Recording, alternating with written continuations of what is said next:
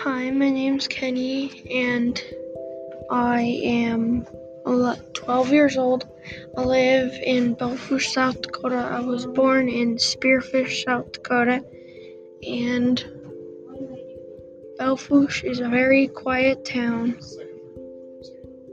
and very peaceful, and it's nice here.